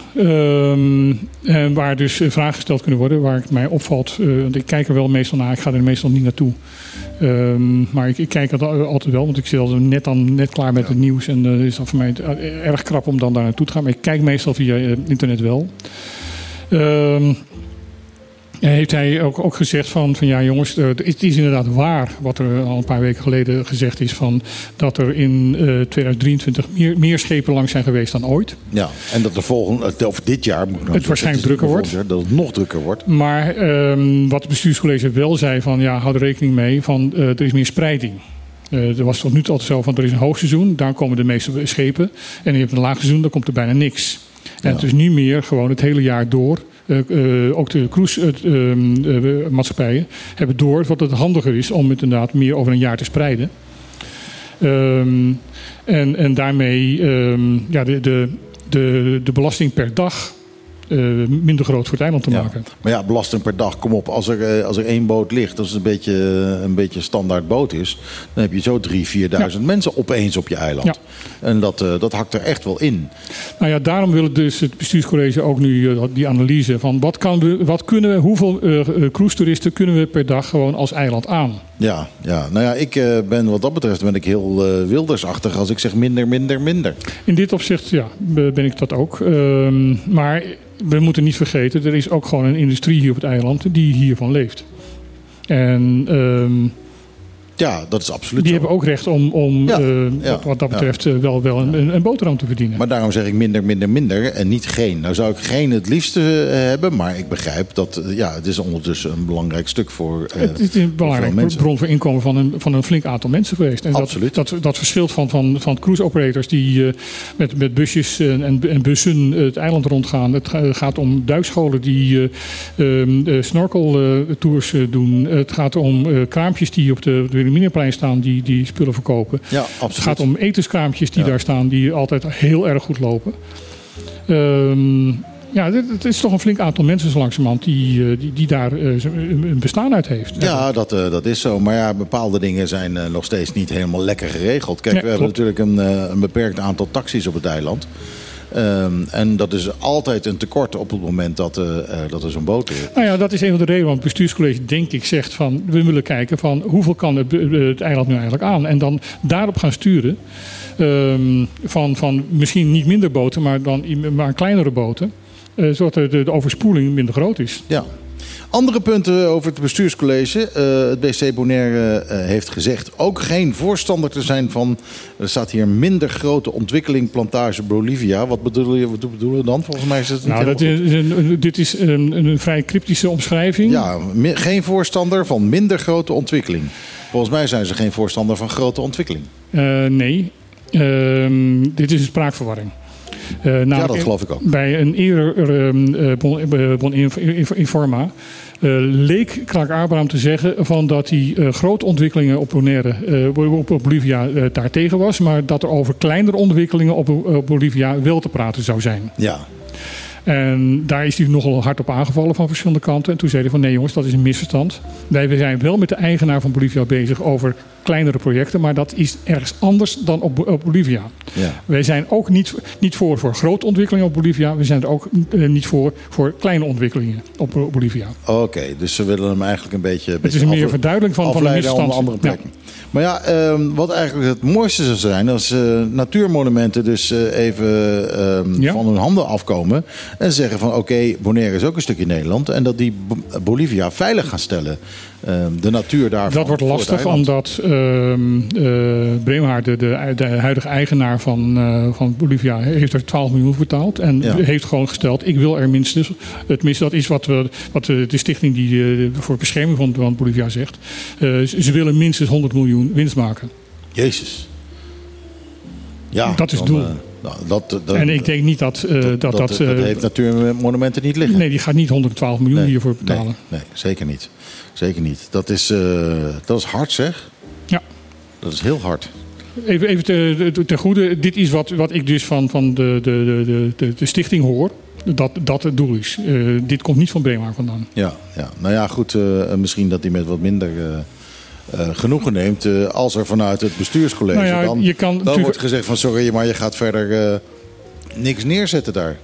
Kijk, het scenario zou kunnen zijn, om eventjes een soort eh, in- eh, voorzetje te doen, is dat het bestuurscollege ehm, eh, de familie Breema het zo moeilijk gaat maken om daar iets te ontwikkelen, dat het eh, niet meer aantrekkelijk wordt en dat ze geen blij zijn om er vanaf te zijn. Ja, nou ja, dat is hetzelfde als wat er gebeurt is met Klein Bonaire natuurlijk. Er werd, werd ook gezegd van ja, sorry, maar daar ga je helemaal niks op bouwen. Nou ja, dan zit je opeens met een groot stuk land waar je helemaal niks mee kan. Ja. Eh, en eh, ja, dan Dat je- een natuurpark, ja. Kijk, Ja. ik snap dat hij, eh, dat meer wil hebben dan de 12 miljoen die hij ervoor betaald heeft. Maar 112 miljoen vind ik een beetje overdreven. Dit- dit- Eh, dus, eh, de- nogmaals, dit is wat ik van, van, van de stichting hoor. Ik denk dat als hij, eh, als hij 14 miljoen eh, ervoor krijgt, heeft hij 2 miljoen verdiend, moet hij niet zaniken. Eh, maar goed, dat vind ik dan. Hè? En ik vind nog wel eens wat. Eh, nog meer over het bestuurscollege. Ze willen voorrang geven aan lokale ondernemers bij inkoop van goederen en diensten. Wat kun je me daarover vertellen? Eh, er is geen inkoopbeleid eh, bij de overheid van Bonaire en ook niet bij de Rijksdienst Caribisch Nederland om eh, lokale ondernemingen en ook lokale organisaties voorkeur te geven bij het gunnen van, van opdrachten. Ja. En het bestuurscollege zegt nu van dat, dat, dat die regel moet er wel gaan komen. Ja, dat ben, ik, ben ik het helemaal mee eens. En er wordt ook, ook opgeroepen om te zorgen van dat ook de Rijksdienst dat gaat doen. Daar heb ik zelf in het verleden ook, eh, ook hard voor gewerkt. Eh, als hier een filmpje werd gemaakt op het eiland, dan werden er altijd mensen ingevlogen uit Zuid-Amerika of uit Nederland. Eh, en dat kunnen we prima zelf. Ik denk dat er zo En langzamerhand voor, voor heel veel zaken dat er genoeg Ja. lokale onderneming is om dat inderdaad te doen. Ja. Ja, En dus ik denk dat, eh, als de overheid daar ook dat gaat stimuleren, dat er ook meer bedrijven gaan komen die zich daarop gaan specialiseren. Ja, dat, eh, eh, dat denk ik ook. Eh, laat maar komen. We kunnen het ondertussen. En dat vind ik ook wel mooi van Bonaire. Dat we langzaam maar zeker echt gewoon Ja.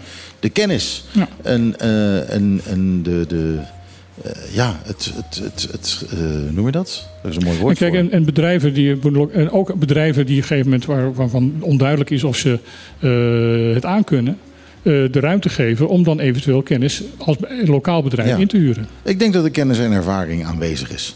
Ehm, dan tot slot over ehm, eh, BC en Eilandsraad. De Eilandsraad praat woensdag met Van Huffelen over Wolbes en Finbes. Ja. Eh, Wolbes en Finbes, eh, wat is dat?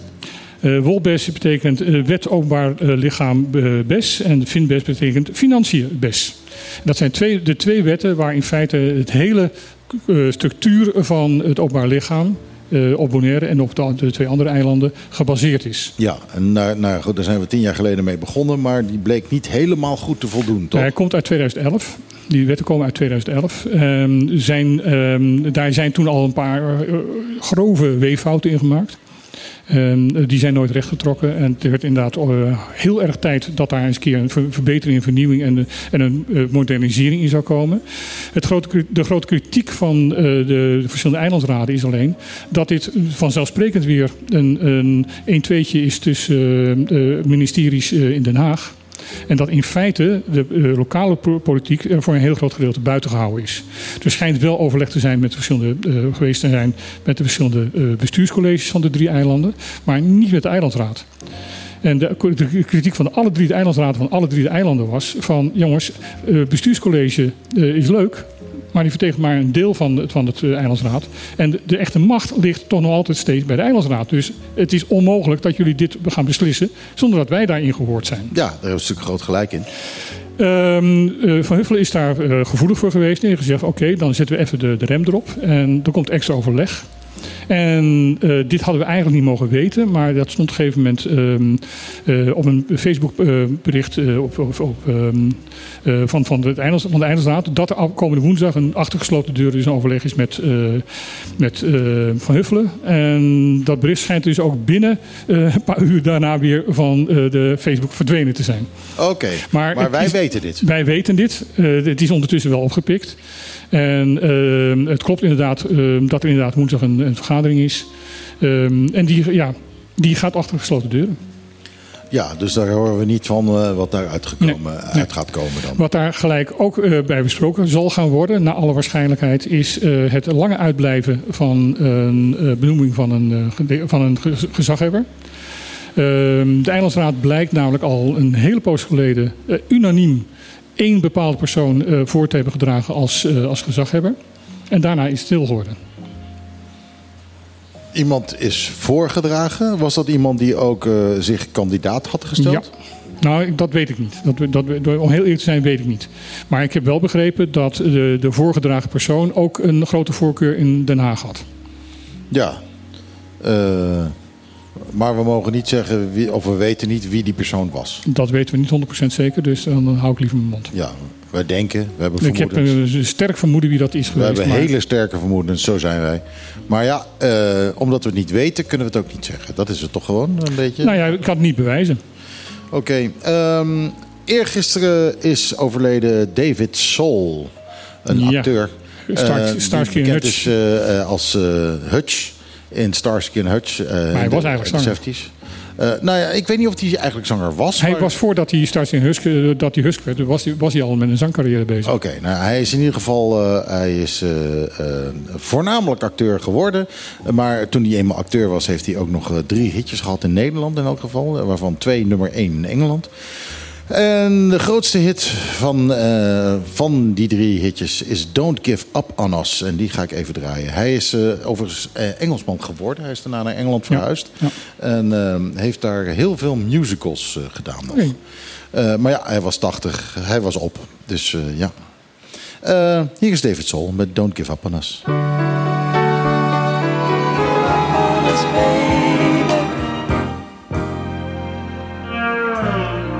Ja, Martijn vindt het maar een beetje een zeiknummer. Maar ik vind, eh, ik vind het Hij een is een goede goed zanger. Ja, hij komt heel hoog ook. Het is echt een hele goede zanger, maar eh, ik, ik vind het nummer gewoon... eh, Ja, vind ik, Maar, maar ja, dit geluid past natuurlijk helemaal niet bij het dit- type wat hij speelde. Dat is, dit is in, een leuk nummer voor tieners op school om lekker te schuifelen. Nou ja, dat was de Starsky en Hutch was hij natuurlijk hartstikke sexy. Hij was eigenlijk een beetje de Don Johnson van zijn tijd. Mhm. Dus iedereen had foto's van hem, tussen alle meisjes hadden foto's van hem op hun kamer hangen. Nou, en als hij dan dit soort zoete liedjes gaat zingen, dat, eh, dat wil wel natuurlijk. Dat krijg je dan. Afgelopen jaar ook eh Barretta overleden trouwens, hè? wist je dat? Ja, ja. Die, eh, dus die heb ik ook. Hier, zie je? Die heb ik gewoon. Dus die ga ik zo meteen even draaien als laatste plaat. Dat is leuk. goed. Ja, we, We zitten zijn er bijna doorheen. Ja, dat, nou ja, dat wou ik net zeggen. We zijn er bijna, inderdaad. nog een paar minuutjes. Ehm, is er iets wat we nog even snel willen roepen? Ja, jij had het over de autoverzekering op Curaçao. Ja, de, de, de, de Forensis eh, Curaçao, dat is eh, een beetje de, de, de eh, road service hier. eh, die dus eh, bij on- ongelukken erbij is om alles op te nemen, al dat soort zaken. Die hebben berekend dat in 2023 liefst eh, nee, 28% van de voertuigen die betrokken zijn geweest bij een ongeval niet verzekerd waren. Ja, maar waarom dan? Nou ja, Ik denk, anders een ander puntje, 31% van de bevolking van Curaçao is in armoede. Juist, dat heeft absoluut met elkaar te maken. Die 31 ligt niet zo ver van die 40% af. Nee, maar de mensen die dus wel iets kunnen betalen, die moeten daar dus voor boeten. Want eh, eh, er is ook dus berekend dat doordat er zoveel mensen onverzekerd zijn en dus ook weinig mensen eh, premies betalen, Ja. want daar gaat het dan om. En dus de, de, het risico kunnen spreiden van, van, ja, voor uitbetalingen omdat er dus iets gebeurd is, zijn de premies in Curaçao 40% hoger dan normaal. Ja, dus, eh, en dat is natuurlijk heel veel. Maar ja, En- wat, ga je eraan doen? Want als je al die mensen die niet verzekerd zijn gaat aanpakken... dat zijn mensen die eh, te arm zijn om, eh, Nou ja, om te betalen. Dus als je die een boete geeft, die kunnen ze ook niet betalen. Ik, nou ja, ik, ik trek het even door naar, naar Bonaire toe. Want eh, wij over Curaçao hebben we helemaal niks te vertellen. Ehm, misschien dat er hier nog iets uitmaakt wat we zeggen. Ehm eh, 28% van de voertuigen eh, bij betrokken bij, en, en bij controles eh, niet verzekerd. Dat is ongeveer het percentage ook hier. Ja, dat ligt gelijk. Dus ik ben heel benieuwd of hier die premies dus ook 40% hoger liggen. Waarschijnlijk nog hoger, omdat het kleiner is. En dus het over meer mensen, of minder mensen ook sowieso het risico gespreid kan worden. Ehm, en ik ben heel benieuwd of inderdaad mensen die eh, nu eh, op een gegeven moment een, een minimumsalaris gaan krijgen, wat, wat enigszins is, eh, beschikt is om van rond te komen, waar dit soort kosten ook bij berekend zijn, bij de berekening van, van dat Ja. minimum. Of er inderdaad meer mensen hun hun rijbewijs gaan halen en daarmee dus ook ehm, de, de verzekering. En ja, ik ben benieuwd of inderdaad, in de, eigenlijk zouden we dan heel hard naar die verzekeringsmaatschappij moeten gaan kijken. Maar jongens, als dat het geval is, ga, gooi die premie maar ja kun je, nou ja, ik gooi die premie, ja, die moeten lager gewoon. Ja. Eh, dan. Dus dat, eh, ja, ik ben heel benieuwd inderdaad. Dat doet toch maar eens even goed in de gaten houden. Even, even opschrijven voor volgend jaar. Ja. Dat we dat eventjes, eh, eventjes aanpakken. Goed, dit was op de klippen. de eerste op de klippen van 2024. eh 6 januari, dat is het vandaag. Vergeet niet, morgen is de manifestatie van Greenpeace om half vier op Te Amo. Ehm, Wordt gezellig eh, met live muziek en alles. Eh, maar En het gaat natuurlijk vooral om. Ja, het nuttige. Het gaat natuurlijk vooral om dat we eh, climate justice willen voor Bonaire. Dus zorg dat je erbij bent. Het is belangrijk. Ik ga er zijn. Ehm, dan ja, is dat het. Ik ga zo meteen met Beretta's theme van Sammy Davis Jr. eindigen. Maar voor nu zeg ik samen met Martijn... Ajootje, cadeautje. Tot volgende week. Iedere zaterdag tussen 12 en 2. Live met Michiel en Martijn. Wat een feest! Dit is op de klippen.